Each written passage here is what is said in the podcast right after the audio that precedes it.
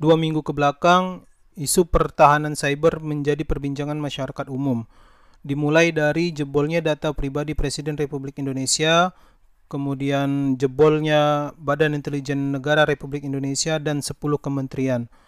Pada podcast kali ini saya akan membahas mengenai bagaimana sih sebenarnya kondisi pertahanan cyber Republik Indonesia dan strategi-strategi yang dapat dilakukan dan ditempuh dalam mempertahankan kedaulatan cyber Republik Indonesia.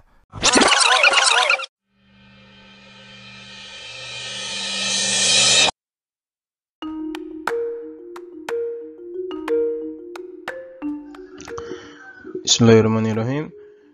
Ya, selamat datang di Siniar Agung Nawan, episode kedua. Di episode kedua ini, saya akan membahas mengenai review sistem pertahanan cyber Republik Indonesia.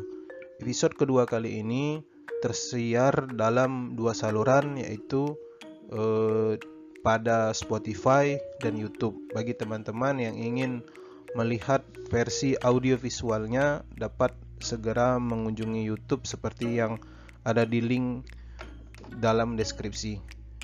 Ya, materi pertama kali ini mengapa kemudian saya bahas karena belakangan ini utamanya dua minggu ke, ke belakang ini isu-isu pertahanan menjadi perbincangan yang sangat intens uh, dari segala sisi utamanya dalam bidang sistem pertahanan cyber. Mengapa kemudian menjadi perbincangan? Ada beberapa fenomena, ada enam fenomena yang melatar belakangi. Pertama, uh, mengenai adanya kebocoran data pribadi dari Presiden Republik Indonesia yang diretas oleh kelompok hacker dari Cina. Itu yang pertama. Kedua, eh, ternyata bulan sebelumnya itu ada juga kebocoran mengenai data pelanggan dari Bank BRI Live bocor dan dijual oleh hacker di komunitas dark web. Nah, yang paling baru ini adalah yang paling cukup mengkhawatirkan adalah bocornya jaringan BIN, uh, jaringan BIN dan 10 kementerian yang lagi-lagi katanya dibobol oleh hacker dari Cina oleh kelompok Mustang Panda. Nah, yang terbaru dari semua fenomena-fenomena tersebut ternyata Indonesia pada bulan Desember ini akan menghadapi perhelatan akbar yang disebut sebagai uh, menjadi tuan rumah presidensi G20. Seperti yang teman-teman lihat bahwa Mahfud MD menyebutkan bahwa G20 tentukan reputasi Indonesia di mata dunia sehingga uh, isu pertahanan isu pertahanan negara menjadi salah satu hal yang krusial ke depan. Pembahasan kali ini saya mengacu pada sebuah paper yang berjudul Indonesia National Cyber Security Review Before and After Establishment National Cyber and Crypto Agency BSSN karya Mulyadi dari BSSN dan Dwi Rahayu dari uh, National Research Nuclear University Rusia. Uh, paper ini dibagi ke dalam beberapa agenda pembahasan yaitu dimulai dari pendahuluan, kemudian kondisi cyber security di Indonesia, pembentukan BSSN dan strategi cyber security di Indonesia. Mudah harapan saya pembahasan ini dapat menjadi koreksi bagi pihak-pihak bagi kita semua para pelaku cyber security agar dapat memberikan sistem pertahanan yang lebih mumpuni untuk uh, negara kesatuan Republik Indonesia. Pertama kita mulai dari pendahuluan dulu. Sebetulnya eh, definisi dari cyber security itu itu apa sih? Nah, menurut dari Mulyadi dalam papernya mengatakan bahwa cyber security adalah kumpulan perangkat, kebijakan, konsep keamanan, petunjuk pendekatan manajemen risiko, action, training, best practice dan seterusnya yang digunakan untuk melindungi cyber environment dan user asset user asset ini termasuk tadi yang saya bilang bahwa data pribadi setiap warga negara itu didefinisikan sebagai user asset. Nah, cyber security ini sebenarnya lahir sendiri karena banyaknya tindak pidana cybercrime seperti uh, pemalsuan dokumen, fraud, cuci uang, uh, atau penarikan ilegal dari rekening pelanggan dan seterusnya dan seterusnya. Menurut Iwan Sumantri, ternyata dari tahun 2015 Indonesia itu mengalami uh, serangan cyber yang sangat tinggi. Itu 2015 Indonesia mendapatkan sekitar 28.430.843.000 serangan uh, cyber. Kemudian satu tahun kemudian ternyata meningkat menjadi 135.672.984 kasus tahun 2016-nya. Dan satu tahun selanjutnya lagi Indonesia menjadi negara paling rentan termasuk negara salah koreksi bukan negara paling rentan. Uh, pada tahun 2017 Indonesia menjadi negara peringkat 10 dengan keamanan cyber paling rentan gitu. Nah, dari semua banyak serangan tadi, penelitian dari Iwan Sumantri mengatakan bahwa daftar domain atau website yang sering diserang itu adalah seperti berikut. .co.uk itu sekitar 30%, .go.id itu sekitar 17,73%, .com itu 14,55%, dan .id itu sekitar 13,64% pada periode 2016 sampai 2017. Artinya, pada tahun rentang tersebut, eh, alamat-alamat website negara atau pemerintahan itu kan .go.id ya. Nah, artinya, alamat-alamat website pemerintahan Republik Indonesia itu merupakan sasaran empuk untuk dilakukan serangan cyber. Adapun serangan-serangan jenis serangan cyber yang dilakukan pada periode tersebut masih dalam penelitian yang dilakukan oleh Iwan Sumantri mengatakan terbagi menjadi empat serangan, yaitu eh, antara lain email threats seperti spam, phishing, dan malware. Kemudian ada web attack, itu merupakan eh, serangan website Nah, kalau serangan website ini ada beberapa cara yang dilakukan seperti cross-site scripting, SQL injection, malicious automated program, directory listing, remote file access, PHP injection, dan etc. Nanti kita akan bahas uh, aneka serangan ini dalam satu video khusus lainnya.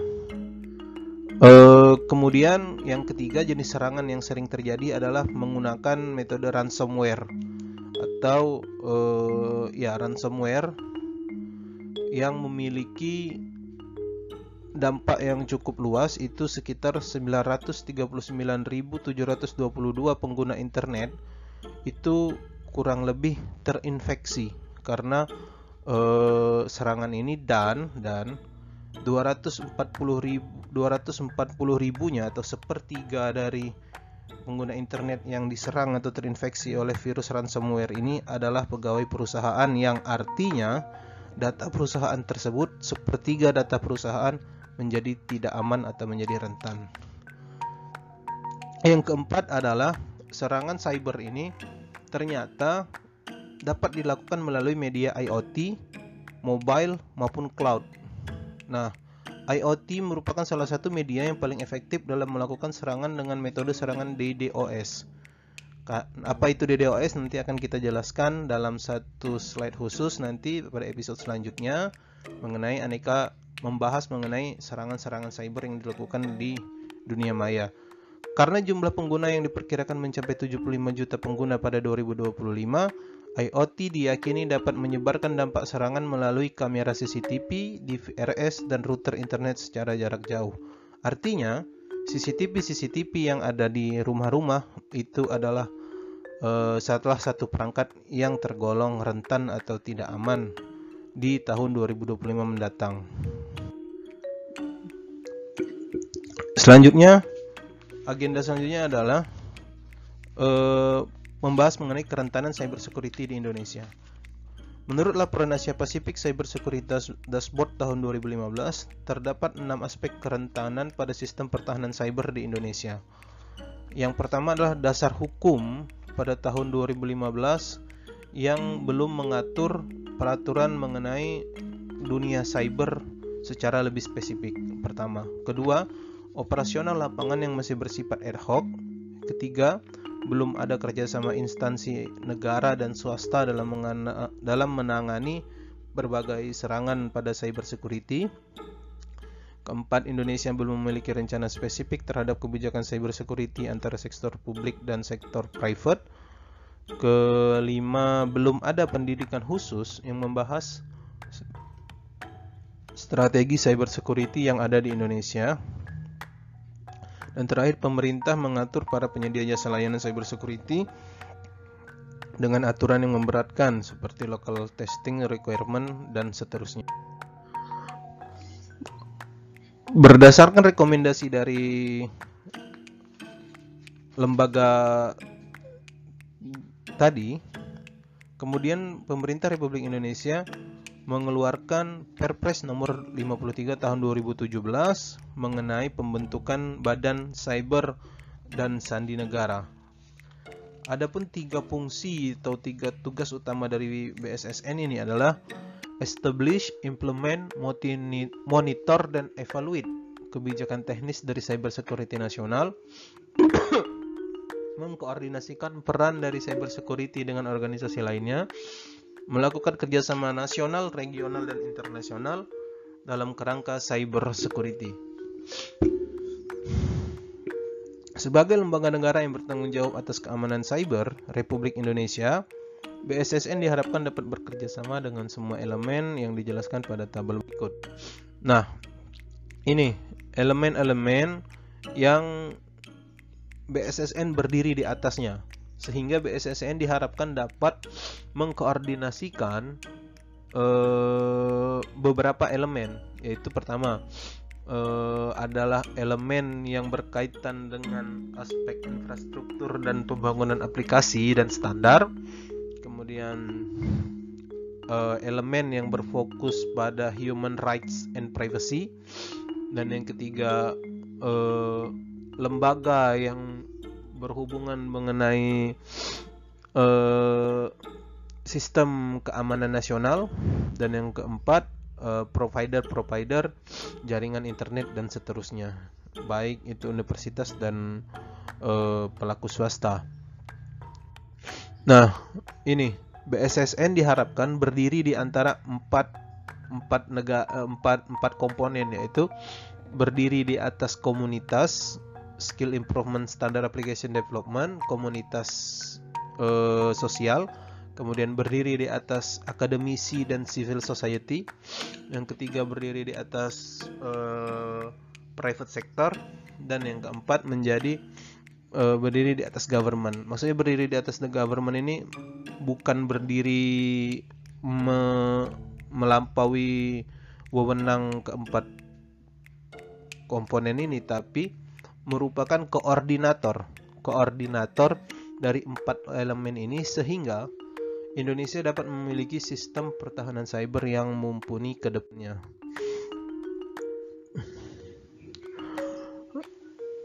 Pembentukan BSSN ini ternyata bukan hanya pembentukan suatu badan, tetapi juga sudah diberikan eh, perangkat-perangkat peraturan undang-undang yang dapat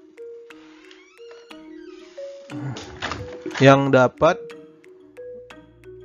ya ternyata BSSN ini juga dibekali oleh negara tentang peraturan-peraturan untuk bergerak.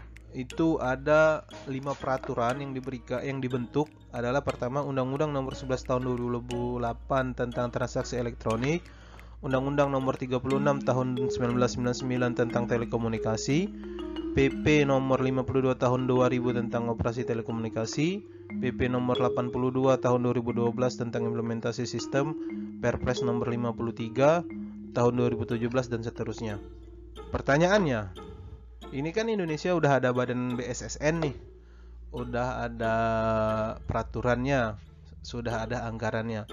Kenapa insiden-insiden tahun 2021 yang saya sebutkan di awal tadi seperti bocornya data pelanggan BRI Live, bocornya data pribadi presiden, kemudian eh, berhasil diretasnya jaringan BIN dan 10 kementerian negara Republik Indonesia.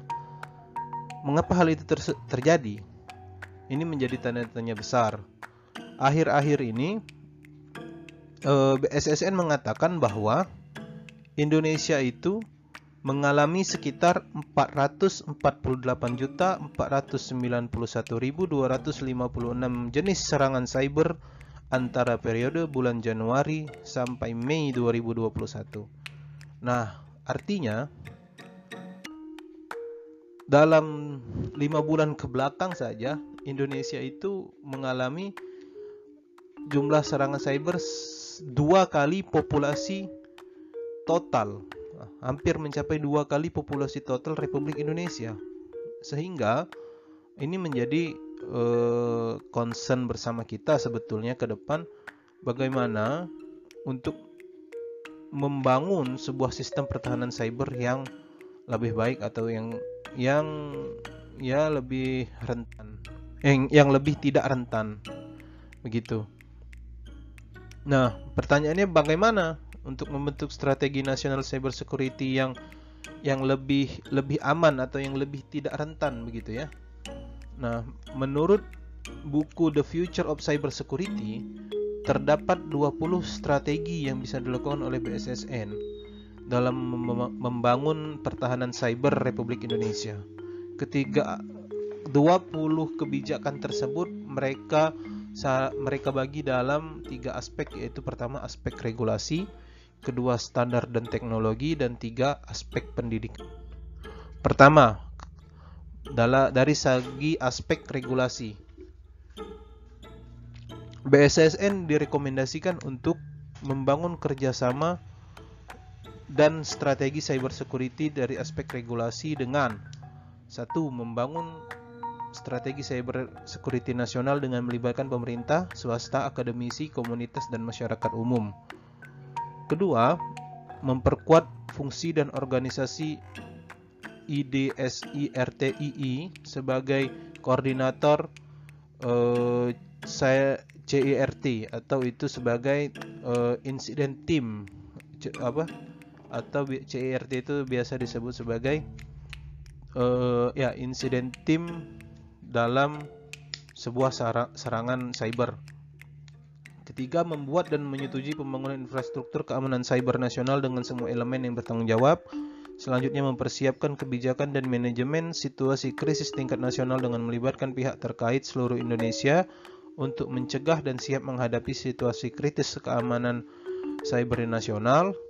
Selanjutnya, BSSN dengan elemen terkait mendirikan tim pertahanan cyber dari masyarakat dengan kemampuan sebaik militer untuk menangani keamanan cyber nasional. Dan selanjutnya mempersiapkan plans and recovery center untuk aset prioritas jika terjadi kegagalan pada sistem nasional pelayanan publik. Gitu. Kemudian masih dalam aspek regulasi, eh, BSSN direkomendasikan untuk membentuk legal framework Nah, yaitu antara lain membentuk undang-undang yang lebih kuat untuk melakukan fungsi cyber security. Yang kedua, mengusulkan penguatan undang-undang pada fungsi investigasi cybercrime. Dan ketiga, membuat database nasional untuk merekam dan melaporkan semua bentuk kejahatan cyber yang terjadi pada semua layanan informasi publik atau yang disebut sebagai sebuah sistem integrasi keamanan cyber nasional. Itu tadi dari aspek regulasi, kemudian dari aspek standar dan teknologi. Eh, di dalam buku referensi di atas tadi, BSSN direkomendasikan untuk melakukan beberapa langkah. Pertama, mendorong pemenuhan kebutuhan teknologi cyber security dalam rangka mengatur sistem pertahanan cyber nasional mendirikan unit di bawah BSSN yang berfungsi untuk monitoring dan controlling infrastruktur keamanan dan resilience. kemudian membangun standar keamanan dan mendorong produk cyber security lokal untuk tumbuh dan mampu menangani pasar nasional. Sehingga teknologi dan informasi dan infrastruktur yang digunakan dapat menjadi masterpiece karya eh, bangsa sendiri. Kemudian yang cukup penting dilakukan oleh BSSN adalah meningkatkan cyber security, cyber security culture dan awareness dengan cara mendirikan mendirikan strategi komunikasi cyber security untuk memperkuat dan memperluas national cyber security campaign hingga ke semua level masyarakat. Kemudian mendirikan portal online sebagai pusat pelatihan untuk meningkatkan security awareness untuk pemerintahan, bisnis dan masyarakat di Indonesia, membuat program untuk meningkatkan kepercayaan publik seperti e-government dan e-commerce, membangun strategi marketing dalam menumbuhkan kesadaran pada perlindungan data pribadi dalam dunia digital. Nah, saya rasa yang paling penting ini adalah ini, adalah menumbuhkan kesadaran pada perlindungan data pribadi di dalam dunia digital. Kemudian, BSSN juga direkomendasikan untuk melakukan education, training, and skill.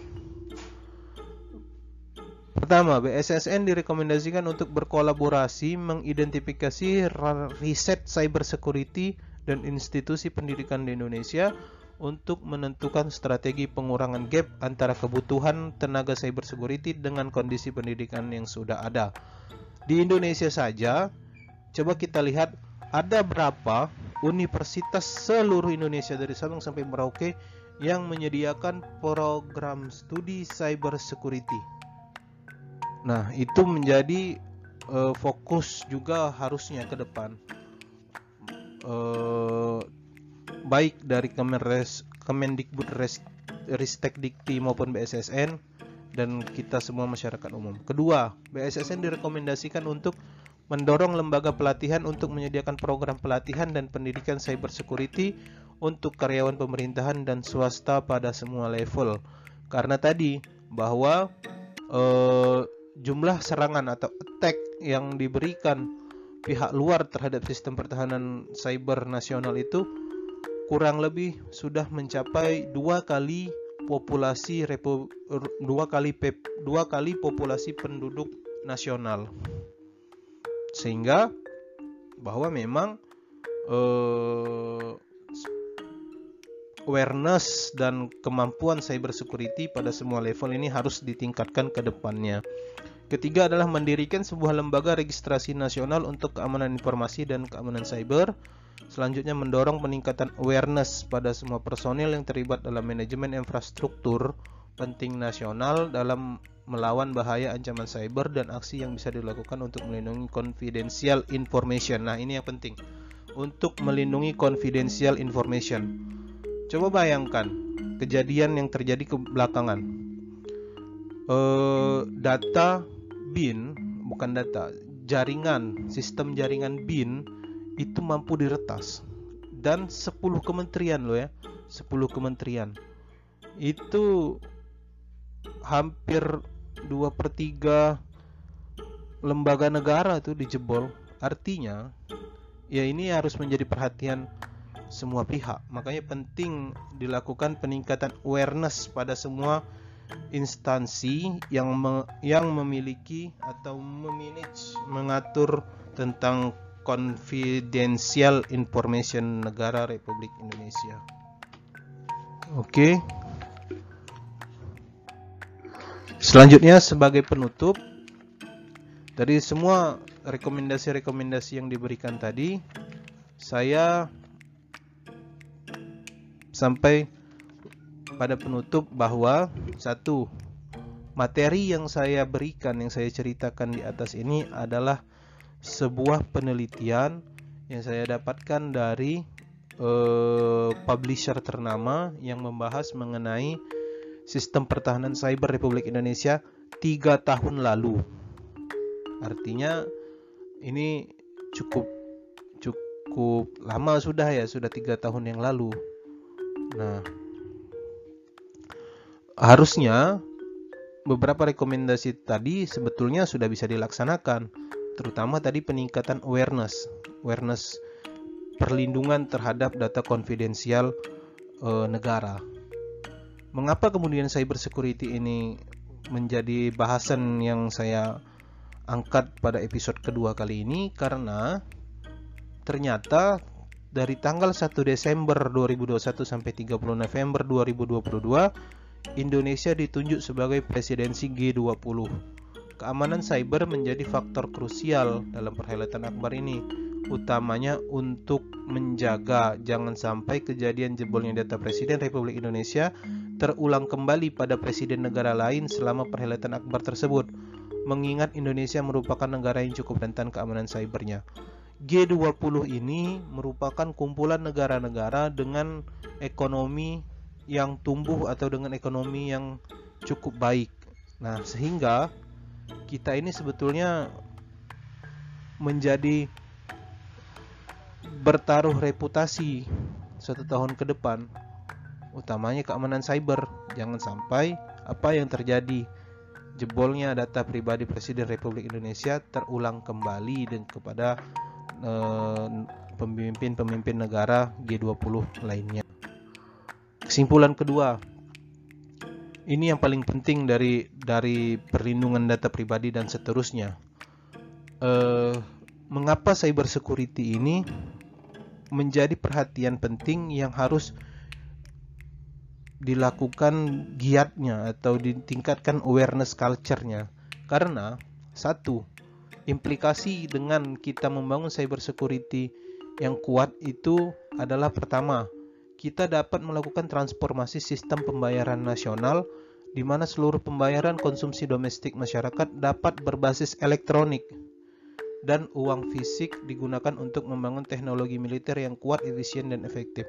Ini adalah salah satu resep rahasia yang dilakukan oleh Cina di awal-awal tahun 2010-an yaitu membangun Great Cyber Wall sehingga saat ini eh, konsumsi domestik nasional Cina itu 75% menggunakan transaksi digital begitu.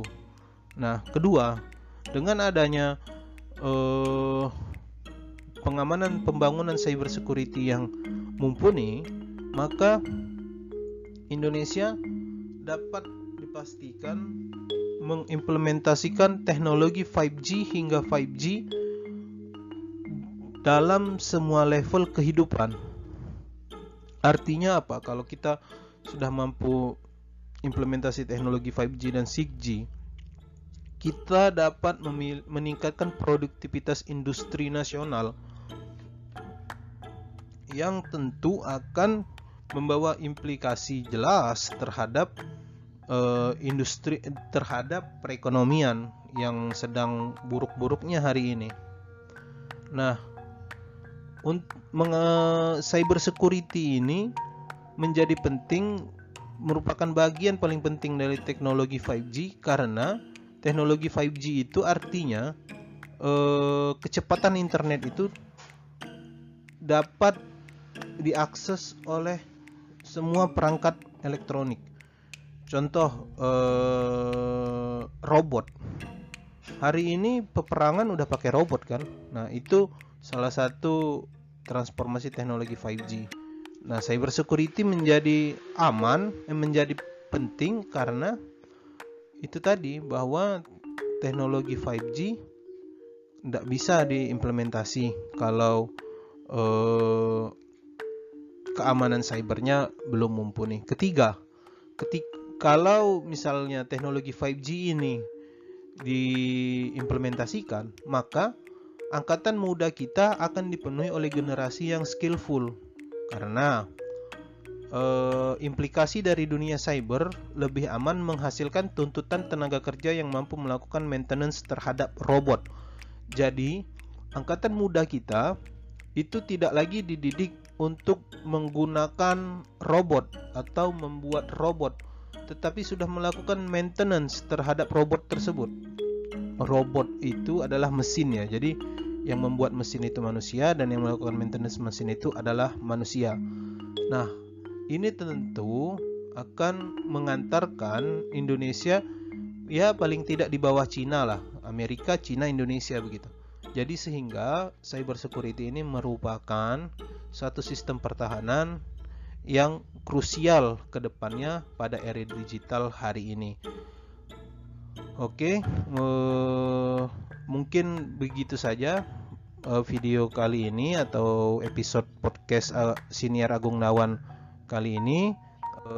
Terima kasih. Kesimpulan kami hanya menyajikan informasi, saya hanya menceritakan salah satu penelitian rekomendasi dari Pak Mulyadi dan Dwi Rahayu dari uh, universi dari Research Group Nuclear University Rusia yang menentukan kesimpulan. Silakan teman-teman bahwa ke depannya cyber security merupakan dunia yang uh, harus kita concern bersama guna mencapai Indonesia maju, Indonesia yang lebih tangguh. Demikian, terima kasih. Selamat sore. Bila topik walidaya. Assalamualaikum warahmatullahi wabarakatuh.